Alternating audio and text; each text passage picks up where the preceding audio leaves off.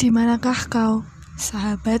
Sampai sekarang aku tak pernah menemukan itu. Sampai sekarang aku tak pernah mengenal yang namanya sahabat. Aku bahkan tak pernah mengenal apa itu sahabat. Sahabat, katanya dia selalu ada di saat kapan pun. Tapi apa? Mereka tak selalu ada di sini. Dan dia tak selalu ada buatku. Ke mana mereka yang aku anggap sahabat? Ke mana mereka saat ini, nanti, dan esok? Ke mana mereka di saat aku sedang sedih? Maaf jika aku sedih di saat kalian senang. Maaf jika aku sering tak ada buat kalian. Maaf jika aku bukan yang terbaik untuk kalian. Maaf jika aku belum menjadi yang selalu ada untuk kalian.